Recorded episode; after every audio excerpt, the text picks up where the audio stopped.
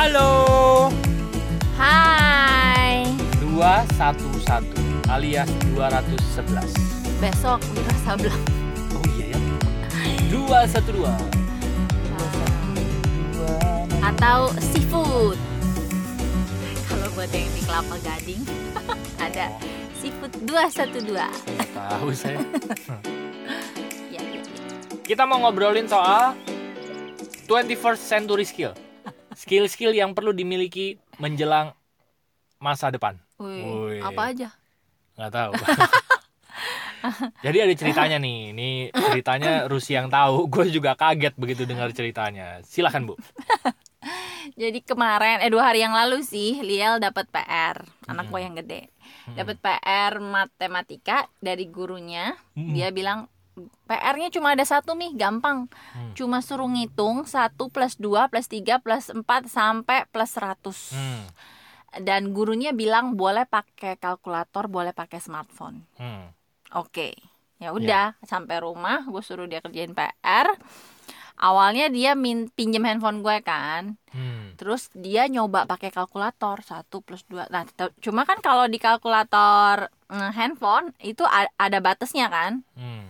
Sampai berapa mentok gitu Mih kok nggak muat Terus eh, gue bilang ya udah disama denganin aja Hmm. Terus nanti diulang apa tinggal dilanjutin Hmm. Ingat-ingat yang tadi sampai plus berapa Hmm. gitu kan nah habis itu udah tuh gue keluar karena si Adel ngajakin gue main di luar di Hmm. luar kamar udah eh terus si Koko bilangnya eh, oh ya ya ya ya ya udah udah udah katanya gitu ya udah kan gue pikir dia udah ngerti. Terus gue keluar kamar main sama Adel baru kayaknya bentar lah baru semenit dua menit tahu-tahu Liel udah udah ikutan sama kita main di luar gitu. Hmm. loh Koko udahan ngerjain PR-nya udah udah dapat hasilnya udah udah selesai udah hasilnya 5050 dia bilang gitu. Oh oke ya udah gue pikir cepet juga nih anak Hebat itu ya. ngerjainnya ya. Kan plus plus plus plus gitu kan lumayan lama kecuali lo harusnya. enci-enci toko bangunan Enci-enci tuh. toko itu juga kan pakai kalkulator dagang ya. Ini kan pakai handphone. Ya udahlah gue udah nggak ambil pusing. Gue mah percayaan aja sama anak gitu kan. Hmm. Sa- terus malam gue mau googling sesuatu terus gue ke Chrome kan. Nah window yang tadi eh, dikebuka kan belum ketutup. Nah ternyata gue baru tahu kenapa Lia cepet banget. Karena dia ternyata googling. Dan dia googling what is one plus until one 100 itu yang dia ketik. Dan, keywordnya keren banget ya? Dan langsung keluar. Langsung keluar langsung keluar dong. Berat pantesannya anak nggak nyampe dua menit ngerjainnya. Cuma ya itulah bedanya anak zaman sekarang sama anak zaman gue benar gue mah masih lempeng mikirnya masih boleh pakai kalkulator ya udah ngitung pakai dan kalkulator dia gitu. tidak melanggar aturan loh boleh Iya. pakai kalkulator atau boleh pakai smartphone Iya, Iya cuma kan? begonya gue kan gue mikirnya oh maksudnya boleh pakai kalkulator di Smartphone. smartphone. Padahal smartphone itu kan berguna lebih banyak daripada kalkulator. Dan dia Betul. kepikiran. Jadi dia dan yang Ari bilang tadi ya eh, salah satu gini, kalau orang tua disuruh googling belum tahu dia belum tahu belum tentu dia tahu harus Keywordnya apa? masukin apa ke keyword. Nah, Nah, tapi iya ya. Gue juga mungkin akan mikir apa ya masukinnya ya kalau mau nanya itu. Dan si Lia cuma nulis itu. What is one plus until 100? hmm. Dan langsung keluar. Dan dia bilang, ini yang jawab dari Harvard, Mami. ya, bagus. Kamu bisa langsung menggunakan jawaban orang pintar. Hanya dalam hitungan iya. detik. betul. Dua Dan- menit udah kelar ya? ada logika logikanya di situ. Kayak cuma ya udah kalau mau gampang di pair aja. Satu tambah 99 kan ah, cepet tuh. Itu terus ditambahin sampai yang terakhir kan 49 sampai 51 Em- 49 plus 51 kan. Berarti ada 49 kali 100 plus ditambah yang tengah-tengah 50 kan nggak ada pasangannya sama cepeknya sendiri jadi Hmm. 4900 tambah 50 tambah 100 hasilnya 5050 seperti yang dia katakan. Cuma dia bilang, "Iya, oke oke Mami, udah tahu, udah tahu." ya udahlah. Ya. Dan gua nggak bisa protes karena gue pikir skill untuk berpikir menggunakan apa yang bisa digunakan itu ternyata ya memang menurut gue lebih penting ya daripada tahu sekedar teorinya gitu loh jadi gue Betul. bilang sama Ari iya ya ya nggak apa-apa gue mah Iya. Waktu Rusi cerita itu gue ketawa, terus gue bilang itu 21st century skill loh gitu. iya Apa? Itu adalah satu kemampuan yang dimiliki anak-anak zaman sekarang dan gue yakin itu berguna di masanya. Jadi menurut gue ya sekali lagi, zaman sekarang anak-anak itu sudah perlu lebih sedikit menghafal. Karena otaknya daripada diisiin dengan hafalan, udah ada kok mesin pencari gitu. ya. Udah ada semuanya tuh udah ada di sana. Lebih baik space otak yang buat menghafal dipakai untuk berpikir kreatif gitu. Untuk untuk em, me- apa ya menuangkan ide-idenya mereka gitu. Ya benar setuju. Dan dan ya itu salah satu skill di abad 21 adalah iya. Eh, berpikir kreatif. Betul. Mengolah informasi yang betul ada. betul. Eh, membaca situasi. Betul. Sehingga akhirnya bisa memutuskan. Betul. Mengambil keputusan eh, yang tepat sesuai situasi gitu. Dan ini informasinya ya itu kan banyak. eh, bisa tinggal ngumpulin gitu. Benar. nah. Gue sih berpikir gini ya. Em, sekarang itu banyak pekerjaan yang dulu harus dihafalkan sekarang kita bisa tuangkan di dengan Bisa- teknologi lah ya gitu. bisa jadi nyari dengan otak kita cepat. jadi lebih enteng lah gitu. Nah gue cuma berpikir sekarang gini di era sekarang itu informasi tuh sangat banyak berjubel gitu. Bahkan bisa dibilang overload informasi. Makanya kita perlu saring apa yang per- eh, bisa masuk ke dalam diri kita. Dan gue setuju sama Rusi tadi salah satu kemampuan yang perlu kita miliki di abad 21 ini adalah mengolah informasi dan bagaimana mengolah informasi itu dan akhirnya menjadikan keuntungan buat kita. Itu yang paling penting. Nah sering kali nggak usah sampai mengolah informasi aja deh. Angkatan-angkatan zaman dulu untuk mencari informasinya aja mereka masih gagap. Kayak gua sama Rusi waktu pertama kali diceritain Lial itu gua langsung nanya sama Rusi Lial masukin keyword apa? gitu ya kan dia ngetik apa gitu gue juga lupa terus kan tapi kalau di Google kan masih ada kan storynya kan ya gue cuma ingat dia what gitu terus langsung keluar oh iya ini Nah, oh iya, berarti dia satu menurut gua, dia sudah bisa bertanya dengan benar. Bertanya dengan benar dengan kalimat yang sangat efektif dan efisien. Iya, Itu kalau gua mungkin gua akan ngetik gini. Eh, satu tambah Iya, Berapa? berapa ya satu tambah satu, eh, satu tambah dua tambah tiga tambah empat sampai seratus. Itu kan Iya, panjang banget kan panjang. kalimatnya gitu. Nah, Lial tuh udah singkat banget nanyanya. What what is one plus until 100 Nah. what is one plus until 100 gitu. Itu kan satu pertanyaan yang menurut gua satu konteks bertanya yang eh, efektif dan efisien loh gitu. Dan menurut gua salah satu skill yang salah satu eh, set 21st century skill itu juga bertanya dengan benar. Betul. Karena informasi yang datang dalam kehidupan kita itu tergantung dari kualitas bertanya kita. Ya. Ya kan? Itu penting banget menurut gue. Karena kalau kita nanyanya salah nih, ya informasi yang datang juga salah. karena kan sebenarnya mesin pencari Google itu eh, mencontek Semesta ya. semesta Benar. cara cara kerja semesta ya Betul. kan Betul. mesin pencari Google kan hanya sebagian kecil dari yang Ya, informasi yang disediakan oleh eh, Semesta. hidup ini kan Betul, betul. semesta dan sepakat gue. sama persis kita ngetik apa di Google ya kita eh, yang keluar akan sesuai dengan kata-kata yang kita ajukan di kolom keyword itu Benar. semesta juga sama cara kerjanya kita nanya apa kita ngomongnya apa, Apa? yang dikasih ke kita Betul. ya sesuai yang yang tadi yang kita Yang kita- ajukan yang gitu. Jadi benar kata Rusi tadi. eh, semesta ini sebuah kumpulan informasinya tuh banyak banget. tak Cuman terhingga. kita bisa mendownloadnya apa enggak? Kita bisa mengaksesnya atau enggak gitu. Nah cara mengaksesnya adalah bertanya dengan benar. Ya. Bertanya dengan tepat gitu. Nah sering kali orang bertanyanya itu eh apa ya bertanyanya gini nih gue kebayangnya kalau waktu gue kenapa gue bisa akhirnya nulis uh, puzzle of happiness mm-mm, itu dulu awal-awal mungkin gue mengajukan pertanyaannya kurang pas Hmm. gue mengajukan pertanyaannya ya di saat gue berasa hidup gue ruwet hidup gue nggak banget gitu gue Hmm. nanyanya kenapa sih hidup gue begini Hmm. ya kan Ya, ya, dan ya. ya yang muncul jawabannya ya adalah gua gitu ya? alasan-alasan gitu, Iya, iya, iya. alasan kenapa hidup gue ruwet ya karena kamu begini karena keluargamu begini makin ruwet yang ada Iya, gitu iya, iya. tapi begitu gue Ubah pertanyaannya.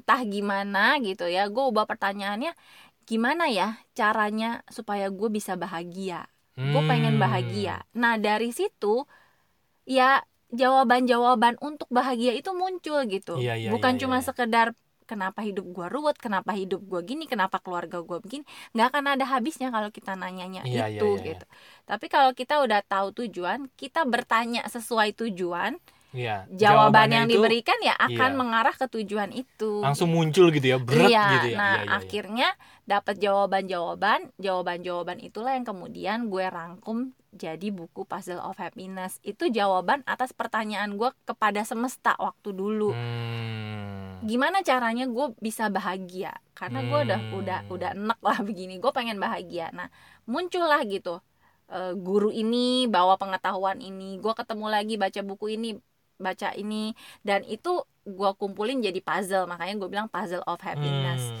itu kalau dirangkumin ya pengetahuan-pengetahuan itulah yang akhirnya membantu gue Untuk, untuk jadi bahagia. jadi bahagia dan ternyata itu jawaban dari semesta Iya, iya, gitu iya. karena gue mengajukan satu pertanyaan gitu Nah, ini sama kayak Liel tadi gitu. Kalau kita masukin keywordnya nggak tepat, sering kali gini, orang kesuli- kesulitan loh untuk bertanya dengan benar. iya Nggak mudah loh gitu. Seringkali gini ya, karena gue fokusnya ke duit, sering kali gini, kalau pada saat duit nggak ada, kenapa ya? Gue kok dikit-dikit ngutang gitu, ada utang segala macam. Kenapa hidup gue siklusnya begini aja? Nanti akan ada banyak tuh yang kayak tadi yang saya tadi kan puterannya di situ-situ aja gitu. Nah, Iya. Tapi begitu gue bertanya gini, gimana ya supaya gue bisa dapat cash money gede? Otak gue akan mikir, oke, kita akan buat ini, kita akan buat ini. Ada banyak jawaban itu. Gimana gue bisa dapat cash money sekian di bulan sekian? Caranya gimana ya gitu?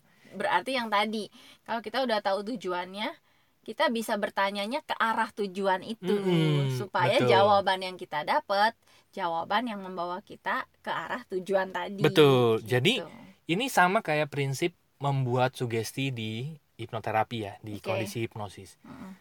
Garis bawahnya adalah yang perlu kita sadari sudut pandangnya adalah kita betul-betul tahu apa yang kita mau ya gitu. Kita benar-benar tahu apa yang kita mau karena sering kali kita fokusnya pada yang kita tidak mau.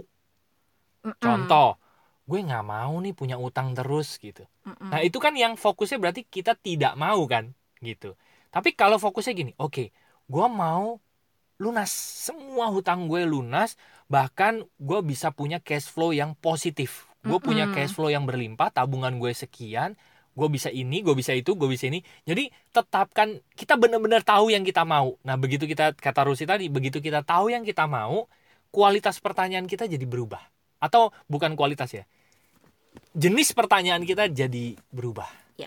Gitu. Itu yang menarik sih dari si Lionel itu. Gua cukup kagum gitu dengan dia ngetik keyword itu gitu. Makanya gua ya, Gua, eh, gue kagum dia kepikiran googling Iya. dan kagum dengan eh, dia mengetik keyword yang tadi kata Ari eh, Efektif, efektif, iya. gitu. gue masih ingat waktu gue pertama kali belajar digital marketing, belajar SEO ya, search engine gitu. Salah satu kalau kita mau dapetin duit banyak dari Google SEO itu adalah kita riset kata kunci. Mm-mm. Terus terang gue kesulitan untuk apa sih kata kalau misalnya gue mau eh, Iya, jual iya, iya, barang iya. ini ya, gue mau jual barang ini kira-kira pembeli gue akan nyari ketik apa ya gitu. Nah, gue cukup kesulitan karena mungkin nggak tahu ya di benak gue Kemampuan kemampuan gue untuk search keyword itu nggak terlalu bagus. Mungkin kalau misalnya SEO ini diajarin ke Liel, dia akan oke pi, nih kalau jual pulpen, keyword yang sering dipakai orang pasti ini ini ini ini ini Mm-mm. gitu. Dia tuh bisa langsung eh ya itu kemampuan anak-anak zaman sekarang ya. Dan Iya. sering kali banyak eh, banyak dari kita yang mematahkannya. Kan nggak bisa, kamu harus dia dia kita ajarin dengan cara kita zaman dulu gitu. Padahal cara Padahal dia yang lebih uh, udah berguna untuk update. masa Iya. depan gitu. Kadang-kadang gue aja sering kok eh, karena gue udah mulai mengalami ya beberapa pengalaman yang dia tuh bisa memberikan pencerahan yang Mm-mm. gue gak kepikiran. Jadi gue mulai sering nanya sama dia kok kalau gini-gini apa ya? Terus dia nanya en- apa dia jawabnya enteng aja kenapa nggak mami gini-gini? Oh iya ya Iya, kok. Oke oke oke. Gitu. Kalau misalnya gue nggak bisa ya gue akan jawab loh ng- nggak bisa kok soalnya gini-gini. Nah ntar otak dia akan berusaha mencari Iya. alternatif lagi. Oh ya udah kalau gitu gini-gini aja gitu. Bener. dan dan kayaknya tuh kalau lo lihat ya anak-anak zaman sekarang ya yang 20 yang mereka itulah ya mereka tuh menjawab dengan sangat gampang aja gitu. Dibuat gampang dibuat ya. gampang aja gitu. Dan sering kali kitanya yang ruwet kan iya. gitu. Coba deh lo lo kerja sama sama generasi generasi milenial generasi Z mungkin ya. Genera- kita ini masih milenial Eh, yang di milenial bawah ya. kita Z apa? ya? Z kali X ya. Z kayaknya lah ya. Pokoknya generasi yang bawah itu lo nanya apa mereka akan jawabnya santai. Terus tapi pasti ada penolakan di kita masa gitu? Masa kayak gitu sih? Apa iya bisa gitu? Tapi ya ternyata kayak ya. gini deh. Eh, di network marketing lah ya contohnya ya Ah, gitu ya. Kan kalau kita buat janji ketemu segala macam gitu. Mereka punya gayanya sendiri. Gayanya misalnya ngundang orang mereka itu kan follower follower medsosnya banyak banyak ya. Iya. di IG di apa segala macam gitu. Mereka posting di IG mereka ada yang nanya mereka baru eh apa namanya presentasiin baik itu online maupun dibuat janji ketemu gitu. Cuman kayak gue pikir kan tapi kan sayang ya ada banyak ada banyak follower followernya yang bisa dibuat janji mungkin bisa ketemu tapi buat mereka uh, udah si om. Nanti juga kalau misalnya mereka mau kontak sendiri gitu. Tugas kita kan cuman memperbesar followernya aja memperbesar daftar namanya aja gitu. Benar kenapa dibuat susah? Dan- iya juga sih ya kadang-kadang kalau mereka kan eh, cukup dengan ketemuan online sedangkan kalau kita kan ada masih ada gini loh Mm-mm. tapi kan kalau nggak ketemu nggak dapet rasanya Iya. justru kalau buat mereka belum tentu gimana ya mereka tuh makin merasa generasi sekarang makin ngerasa cukup walaupun dengan hanya iya eh, mereka melihat sisi efektifnya gitu. gitu. Iya.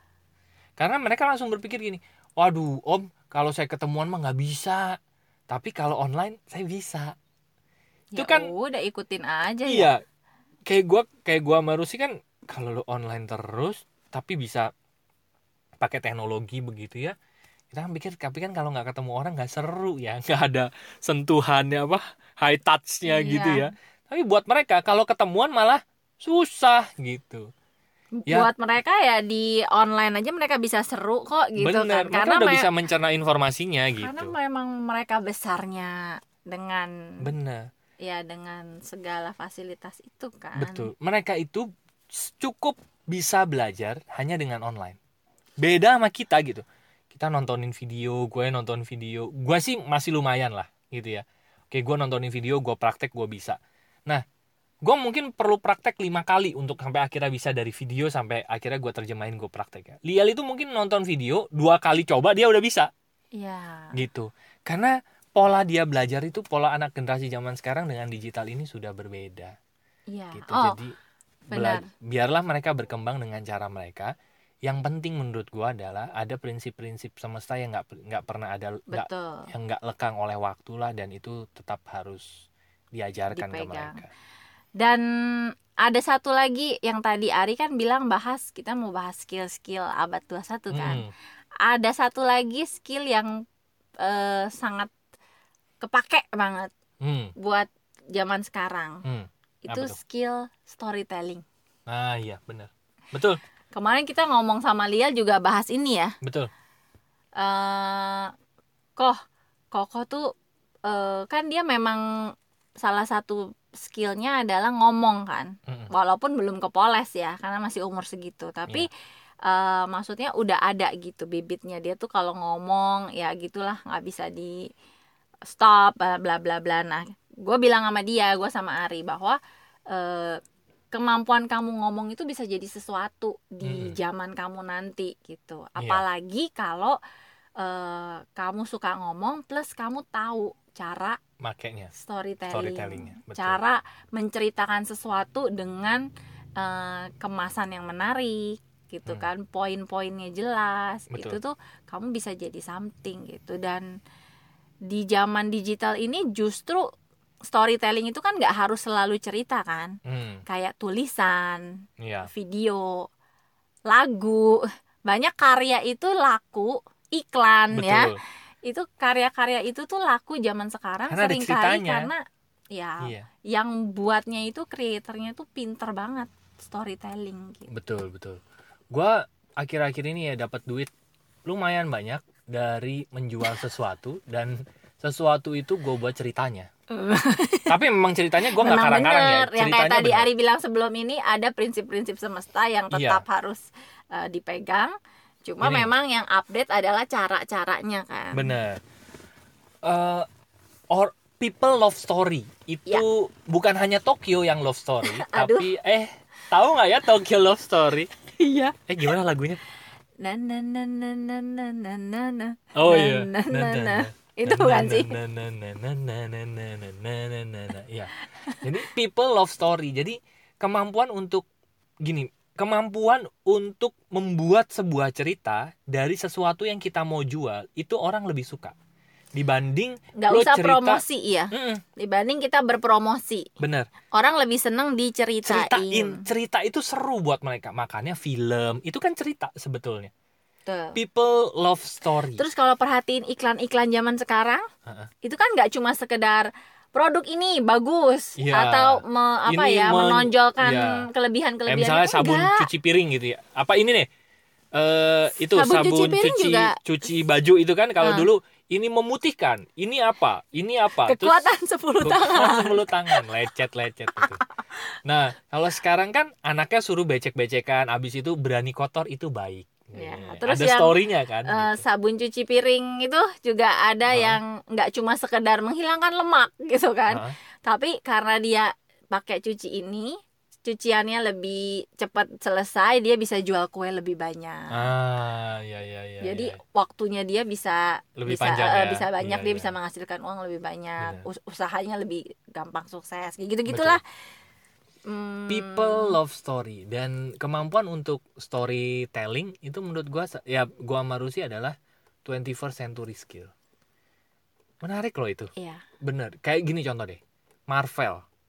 Marvel komik sampai sekarang ada Avenger itu storytelling. Gimana orang bisa bentukin sebuah karakter sampai akhirnya bercerita gitu. Dan itu menghubungkan gila gede menghubungkan ya antara satu karakter sampai menciptakan dunia sendiri kan kayak Harry Iya. Potter Bener. Itu ada kemampuan storytelling kan gitu. dan Jadi, ya menurut gua sih apa pun profesi kita kita perlu bisa menjual apa yang cerita kita perlu bisa menjual cerita kalau itu yang dijual diri kita ya cerita kita apa gitu kalau itu kita jual produk produk kita punya cerita apa gitu dan Hmm. ceritanya tapi jangan dikarang-karang ya soalnya banyak juga yang ngarang-ngarang gitu pasti ada cerita menarik gini siapa yang udah pernah nonton teman-teman udah nonton Ford versus Ferrari nggak iya Itu- udah dong nggak tahu ya kalau gua sih eh, tertarik dengan si Enzo Ferrari Hmm. Enzo Ferrari itu Ferrari itu dijual karena ada story-nya. Ferrari sampai bisa harganya mahal sekarang Mm-mm. itu karena dia sebelah jual cerita Hmm. dan cerita itu dikaitkan dengan sebuah emosi orang ya yaitu emosi penghargaan, kemenangan. Jadi orang tuh kalau beli Ferrari itu berasanya gue menang nih gitu. iya Jadi dia Betul. bukan beli Ferrari tuh fiturnya keren segala macam. Enggak, dia tuh orang membeli emosinya gitu.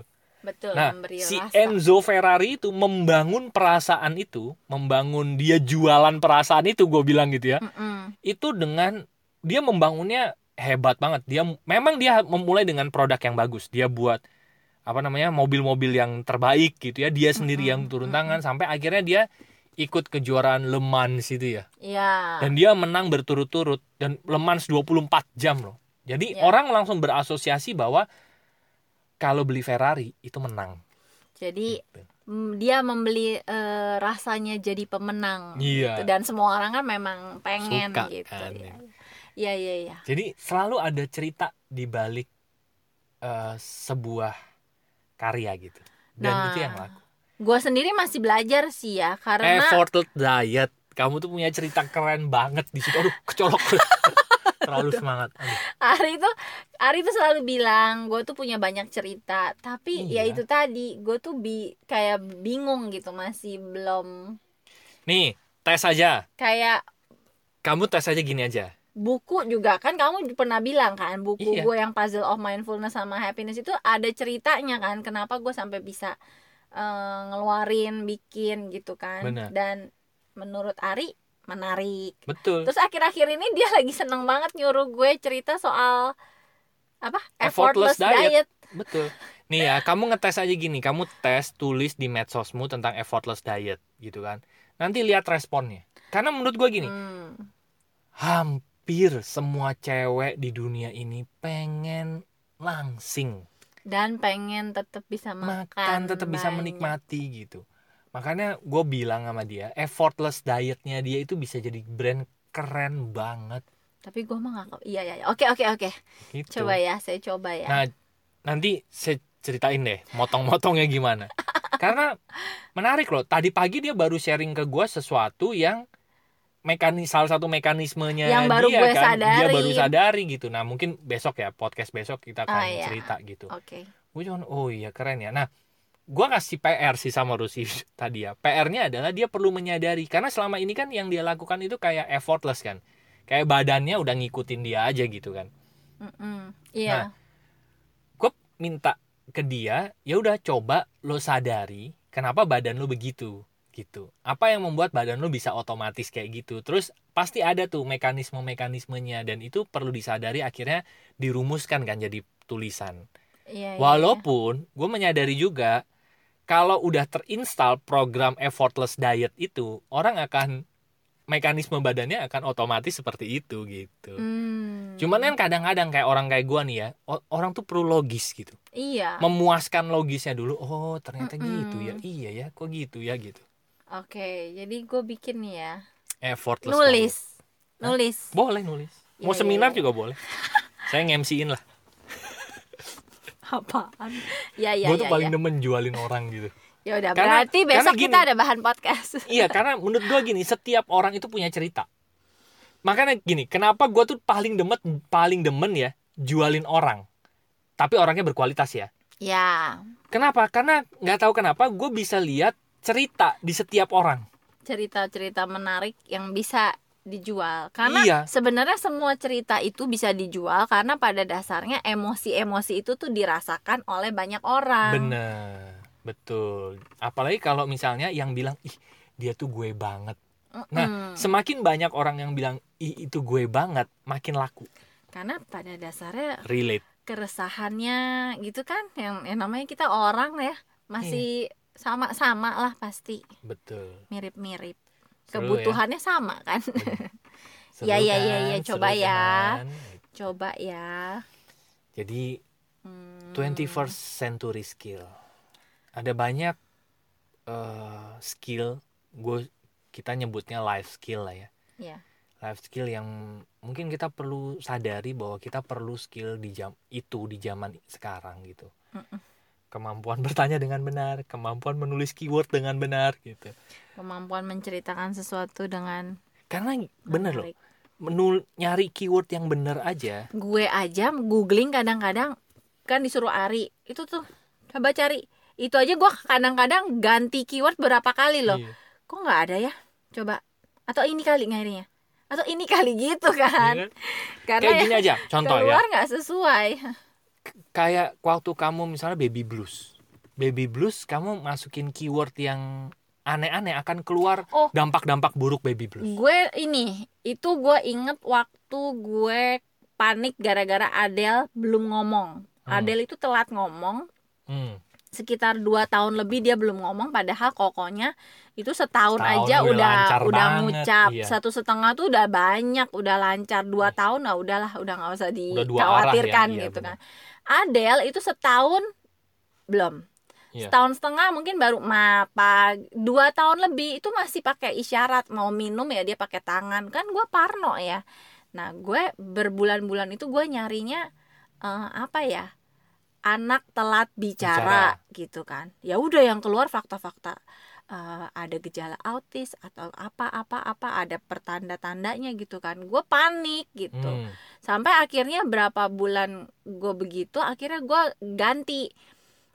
Gue bilang apa ya anak telat bicara dan baik-baik saja gue bilang kayaknya. Hmm. karena gue tak takut kan. Akhirnya keluar juga banyak cerita oh anak saya dulu baru ngomong 4 tahun sekarang udah SD udah normal-normal aja baik-baik aja Hmm. Anak saya dulu baru ngomong umur lima tahun, sekarang dia udah SMP, baik-baik aja juga.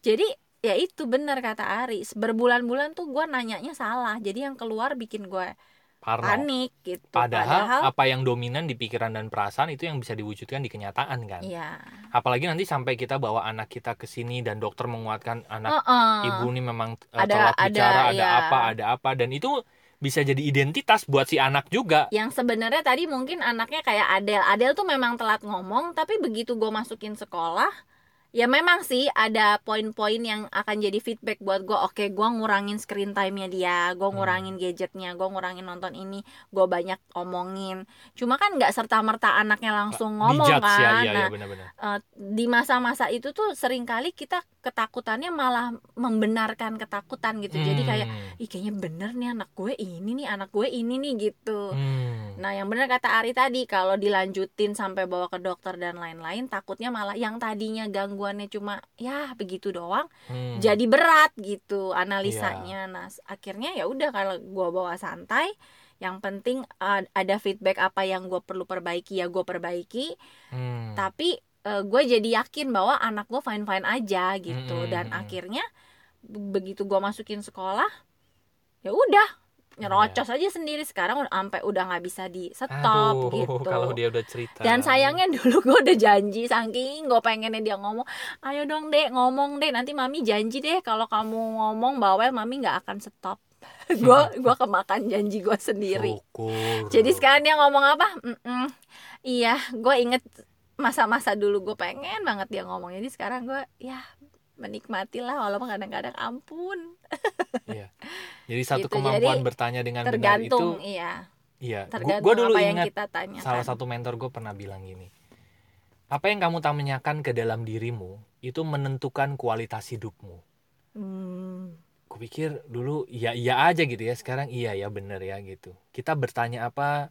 Kita bertanya masalah akan dihadapkan dengan banyak pembenaran masalah itu gitu. Tapi pada saat kita search solusinya atau kita tahu apa yang kita mau, muncul semua solusi yang ada di hadapan kita. Bergantung atau dimulai dari tadi kualitas bertanya kita. Jenis pertanyaan kita sebetulnya. Bertanya apa yang kita mau.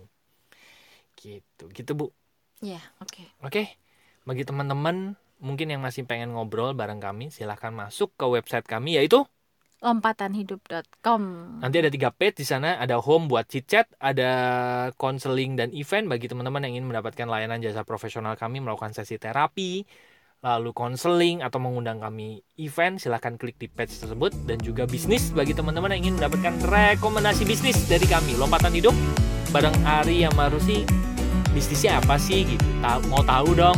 Silahkan klik page yang bisnis. Nanti kita bisa ngobrol-ngobrol di situ dan memberikan rekomendasi oke terima kasih sudah mendengarkan episode 211 Thank you for listening. semoga bermanfaat dan sampai jumpa di episode berikutnya Bye thank you bye. bye bye See you.